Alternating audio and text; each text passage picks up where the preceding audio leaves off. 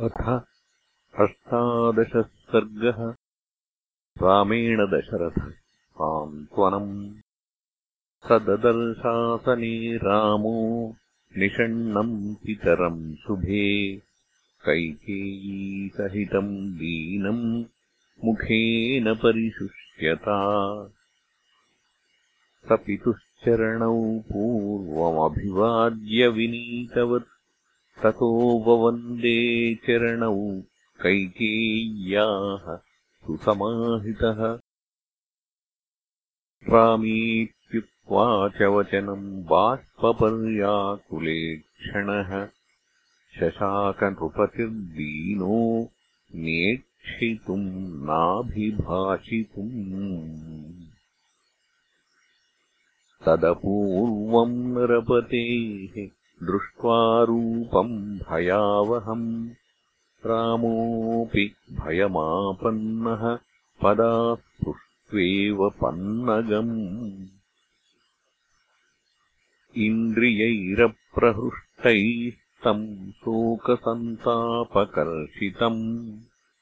निःश्वसन्तम् महाराजम् व्यथिताकुलचेतसम् ऊर्मिमालिनमक्षोभ्यम् क्षुभ्यन्तमिव सागरम् उपप्लुतमिवादित्यम् उक्तारुतम् कृषिम् यथा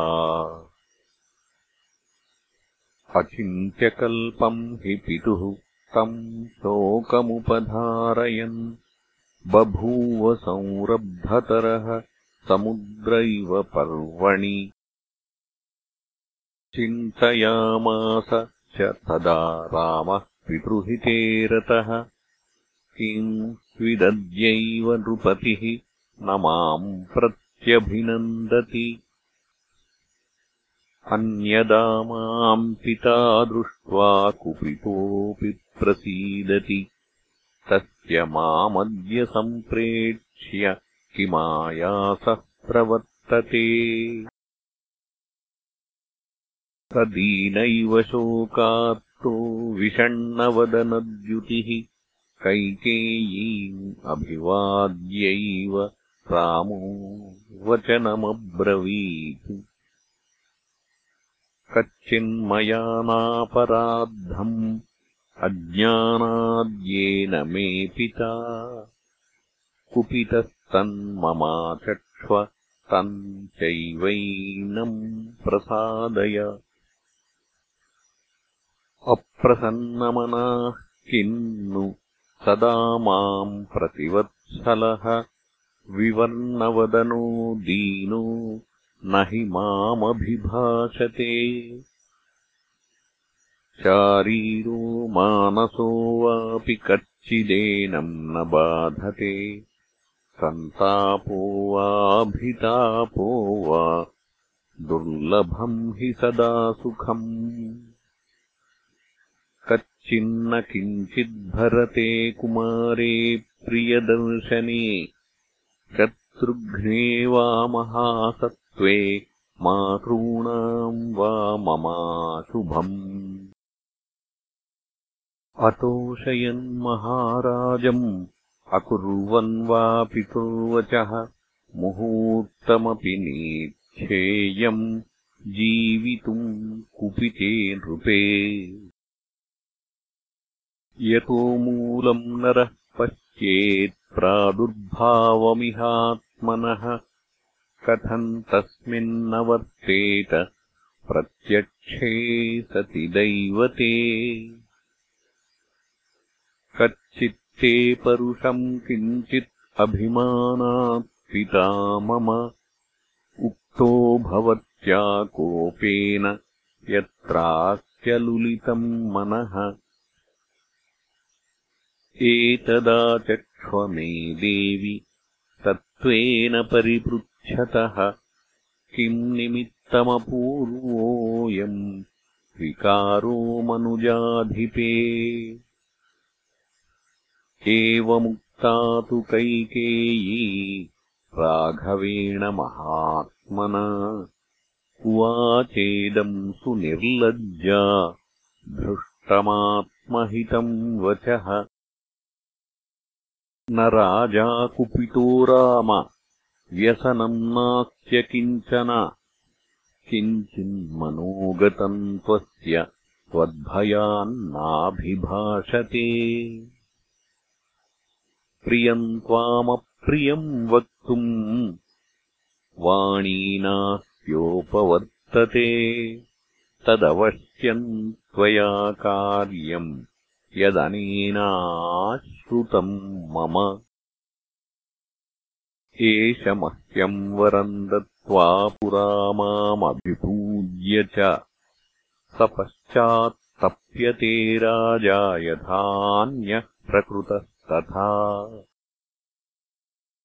अतिसृज्य ददानीति वरम् मम विशाम्पतिः स निरर्थम् गतजले सेतुम् बन्धितुमिच्छति। धर्ममूलमिदम् राम विदितम् च सतामपि। तत्सत्यम् न त्यजेद्राजा कुपितः त्वत्कृते यथा। यदि तद्वक्ष्यते राजा शुभम् वा यदि वा अशुभम् करिष्यसि ततः सर्वम् आख्यास्यामि पुनस्त्वहम्। यदि त्वभिहितम् राज्ञा त्वयि तन्न विपत्स्यते ततोऽहमभिधास्यामि न एष त्वयि वक्ष्यति। एतत्तु वचनम् श्रुत्वा कैकेय्या समुदाहृतम् उवाच व्यथितो रामः तान् देवीम् नृपसन्निधौ। अहो भिन्नार्हसे देवि वक्तुम् माम् कीदृशम् वचः? अहम् हि वचनाद्राज्ञः पतेयमपि पावके। भक्षयेयम् विषम् तीक्ष्णम् मज्येयमपि चार्णवे।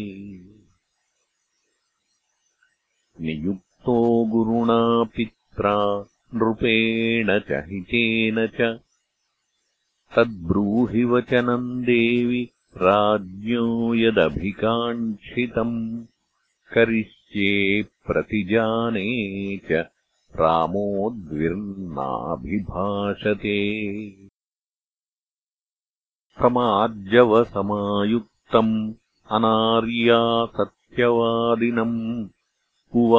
रामम् कैकेयीवचनम् भृशदारुणम् पुरा दैवासुरे युद्धे पित्रा ते मम राघव रक्षितेन वरौ दत्तौ सशल्येन महारणे तत्र मे याचितो राजा भरतस्याभिषेचनम्। गमनम् दण्डकारण्ये तव चाद्यैव राघव। यदि सत्यप्रतिज्ञम् त्वम् पितरम् कर्तुमिच्छसि आत्मानम् च नरश्रेष्ठ मम वाक्यमिदम् शृणु। सन्निदेशे पितुस्तिष्ठ यथानेन प्रतिश्रुतम्। त्वयारण्यम् प्रवेष्टव्यम्। नववर्षाणि पञ्च च। भरतश्चाभिषिच्येत यदेतदभिषेचनम्। त्वदर्थे विहितम् राज्ञा। तेन सर्वेण राघव सप्त च वर्षाणि दण्डकारण्यमाश्रितः। अभिषेकमिमम् त्यक्त्वा जटातीरधरो वस। भरतः कोसलपुरे प्रशास्तु वसुधामिमाम् नानारत्नसमाकीर्णाम् सवाजिरथकुञ्जराम् एतेन त्वाम् नरेन्द्रोऽयम् कारुण्येन समाप्लुतः शोकसङ्क्लिष्टवदनो न शक्नोति निरीक्षितुम्। एतत् कुरु नरेन्द्रस्य वचनम् रघुनन्दन। सत्येन महता राम। तारयस्वनरेश्वरम्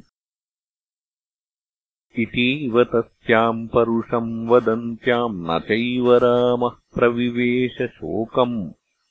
प्रविव्यथे चापि महानुभावो राजा तु पुत्रव्यसनाभितप्तः।